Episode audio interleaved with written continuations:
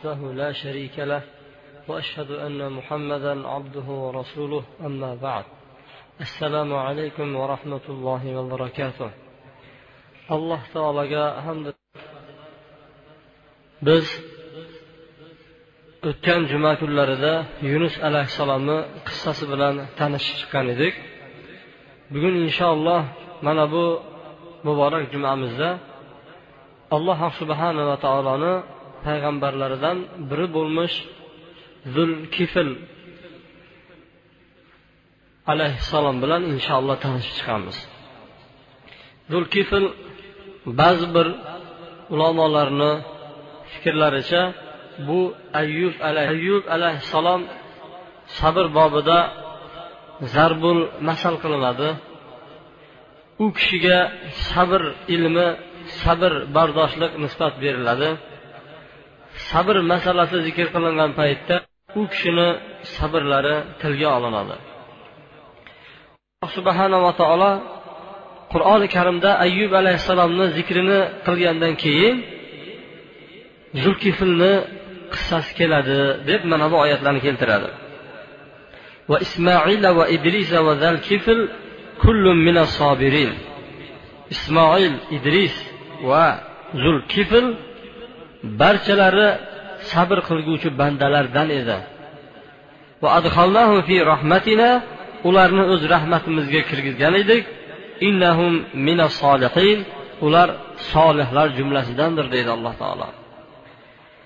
Sod surasida esa vazkur ibadana ibrohima va ishaqa va yaquba ulil aydi val absor inna axlasna lahum bi zikraddar va innahum indana laminal mustafaynal axyor واذكر إسماعيل واليسع وذا الكفل وكل من الأخيار siz ey muhammad alayhissalom eslang ismoil val yasa hamda zalkiflni ularni barchasi bizni eng yaxshi bandalarimizdan edi deb alloh subhanava taolo zikr qilyapti bu qur'on oyatlari bizga shu narsani ko'rsatadiki zulkifl alayhissalom bu ollohni payg'ambarlaridir. Biroq ibn jarir rahmaulloh bu alloh subhanava taoloni payg'ambari emas balki alloh subhanava taoloni solih bandalaridan biridir deb gumon qilgan ekan. Lekin ko'pchilik ulamolar yo'q bu fikr noto'g'ri zulkifl ham payg'ambarlar jumlasidan bo'lgan deb aytishadi. Nima uchun zulkifl deb nomlandi? Uni ismi nima? Uni ismi bishir bishir ibn ayyub. Zulkifl deb nomlanishiga sabab bor ekan. Arab tilida zu bilan boshlanadigan kalimalar bor. Zu degani bizni tilimizga tarjima qiladigan bo'lsak egasi degan ma'noni berish bilan birgalikda li qo'shimchasi ham qo'shilgan ma'nolarni bildiradi. Masalan zu lihya desa lihya saqol degani. Zu lihya saqol egasi yoki saqolli kishi degan ma'noni bildiradi. Hamda zul yadayn. Yadayn ikki qo'l. Payg'ambar alayhissalomni sahobalari ichida ikki qo'l egasi degan kishi bor edi. Ikki qo'l egasi deyishdan maqsad hammada ikkita qo'l bor. Lekin u kishini qo'li odatdan qo'ldan uzunroq ekan. Odamlarni qo'liga qaraganda odatdan qo'liga qaraganda uzunroq bo'lganligi uchun zul yadayni ikki qo'l egasi degan ma'noni bildirgan edi. Endi bu yerdagi zul kifl degani kafolat egasi degan ma'noni bildiradi. O'zini ismi bishir dedik. Bishir ibn ayyub zul kifl kafolat egasi.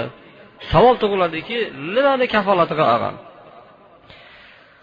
bu haqida ulamolar turli rivoyatlarni keltirib u kishi o'zini qavmiga adolat bilan hukm qilishlik uchun ularni oralarida adolatni barpo qilishlikni o'z zimmasiga olgan o'z kafolatiga olgan edi.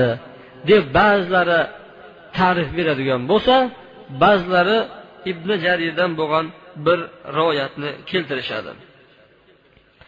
Alloh subhanava taoloni payg'ambarlaridan biri bo'lmish al yasa alayhissalom bir kuni yoshi qarib qolgandan keyin aytdiki meni yoshim qarib qoldi man o'zimdan keyin bir o'rinbosar qo'yib ketgan kim mandan keyin o'rinbosar bo'ladi man unga uchta narsani aytaman shu narsani zimmasiga oladigan bo'lsa shunga tashlab ketaman devdi bir kishi turib man dedi. Bu uch narsa tunim bilan namoz o'qish kerak uxlamasdan har kuni ro'za tutish kerak hamda jahli chiqmaydigan kishiga tashlab ketaman dedi. Bormi shunaqa kishi? degan edi bir kishi o'rnidan turib man dedi. Bu kishini qaytardi. Ertasi kuni aytdiki xuddi mana shu gapni aytuvdi bormi shunaqa kishi? devdi. Haligi kechagi kishi turib tag'in men dedi. Yana uni o'tkazib qo'ydi. Uchinchi kuni ham aytdiki shunaqa odam bormi shu sifatdagi tunim bilan namoz o'qiydigan kuni bilan ro'za tutadigan hamda jahli chiqmaydigan g'azabi kelmaydigan odam bormi devdi haligi kishi turib tag'in man dedi. Undoq bo'lsa dedi qaysi payt? Bu payt shundan iborat ediki u kishi faqatgina peshinni vaqtida uxlardi. Ozgina bir uxlarkan shu paytda uxlarkan kunduz kuni bo'ldi tunim bilan va ertasiga shu paytgacha uyqu yo'q.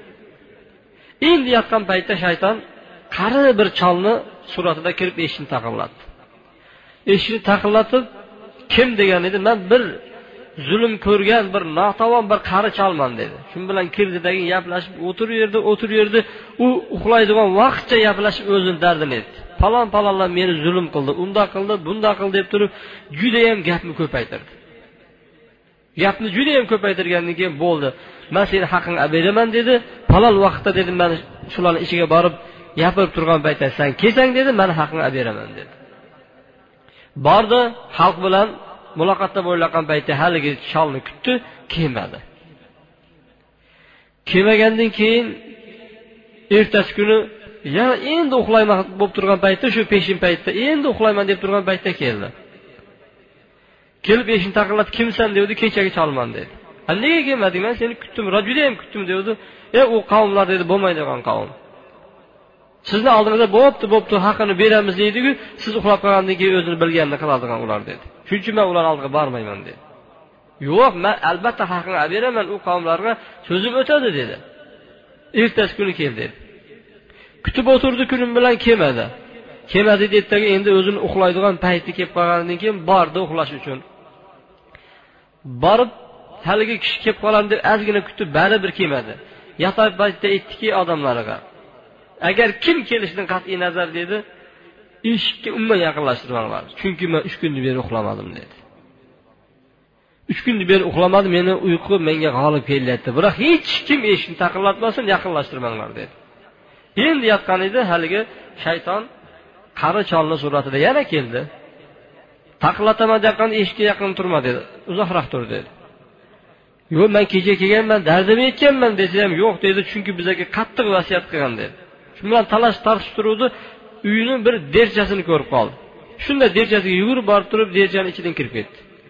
Kirib ichkariga borib turib ichkaridan taqillatdi haligi chol turdi. Haligi chol u kishini uyg'otib yubordi uyg'otib yuborgandan keyin aytdiki buni nega kirgizdingizlar? dedi. Biz kirgizmadik buni dedi. Qayerdan kelding? Qarasa eshik yopib turibdi. Shu bilan u kishi bildiki san ollohni dushmanimisan deganiga ha dedi.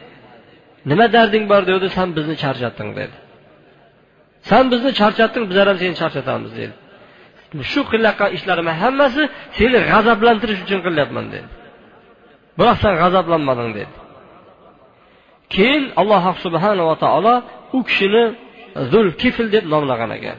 Ya'ni o'zini bo'yniga olgan ishni ustidan chiqa bildi ya'ni kafolatiga ola bildi. Tunim bilan namoz o'qib kunim bilan ro'za tutib hamda g'azablanmaslik va'dasini bergan edi. Shuni o'zini kafolatiga olgan edi. Shu kafolatni ustidan chiqa bilganligi uchun alloh subhanava taolo u kishiga zul kifl degan nomni bergan ekan.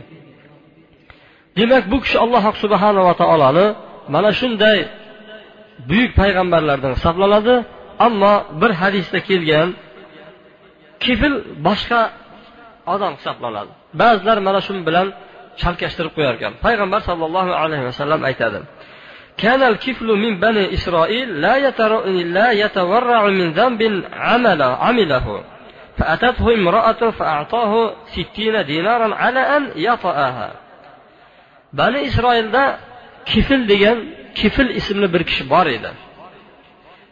Hech gunohlarni qilayotgan paytda qo'rqmas ekan bemalol gunohlarni bajaraverardi. Bir ayol keldi hojatim shu bir ayol kelgan edi ayolga oltmish dinor berdi. Oltmish dinor katta pul dirham pastroq pul. Oltmish dinor berdi buni evaziga un bilan bir marta yotmoqchi bo'ldi shu yotishlikqa kelishdi فلما قعد منها مقعد الرجل من امرأ من امرأته أرعدت وبكت kishi ayolini bilan jimo paytda o'tiradigan joyiga o'tirgan paytda ayol kishi bir seskandi dagin yig'lab yubordi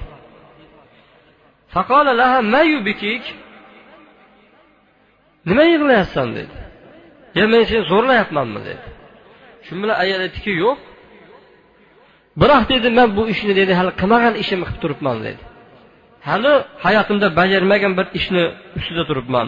Buni qilishimga faqatgina muhtojlik sabab bo'ldi. Muhtoj bo'lmaganda bunga man rozi bo'lmas edim dedi.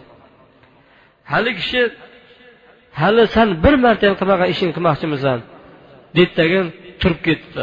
O'rnidan kishi turib ketdi tagin boraver dedi dinorlarni hammasi sanga dedi sanga mana shu sen hech narsang kerak emas dedi tagin vallohu la kiflu abadan dedi. Bundan bugundan boshlab turib dedi kifl endi gunoh ish qilmaydi dedi. Allohga osiylik qilmaydi deb kiflni o'zi aytdi. Va shu kuni shu tunni o'zida vafot etdi. Ertalab turib qarasa kiflni eshigiga lil kifli deb yozib ketishgan ekan. Alloh taolo kiflni gunohini kechirdi deb yozib qo'ygan ekan. Mana bu kifr hadisda kelgan bu kifr zul kifl emas. Ba'zilar shu ikkalasi bilan chalishtirib qo'yar ekan. Bu payg'ambar edi degan gapni aytadi yo'q payg'ambarlar oltmish dinor evaziga zino qilish tarafdorlari emaslar ular. Bu ko'rinib turibdiki bani isroildagi bir gunohdan umuman seskanmaydigan bir kishi edi. Ana shu gunohni doim bajarib turib oxirida bitta olloh bundan keyin kifl gunoh qilmaydi allohga degan so'zdan keyin shu kuni vafot etdi va alloh subhanava taolo uni eshigiga olloh olloh kiflni gunohini kechir deb yozib qo'ydi. U kishi payg'ambar emas. Ba'zilar mana shu bilan zulkifl alayhissalomni almashtirib yurishar ekan.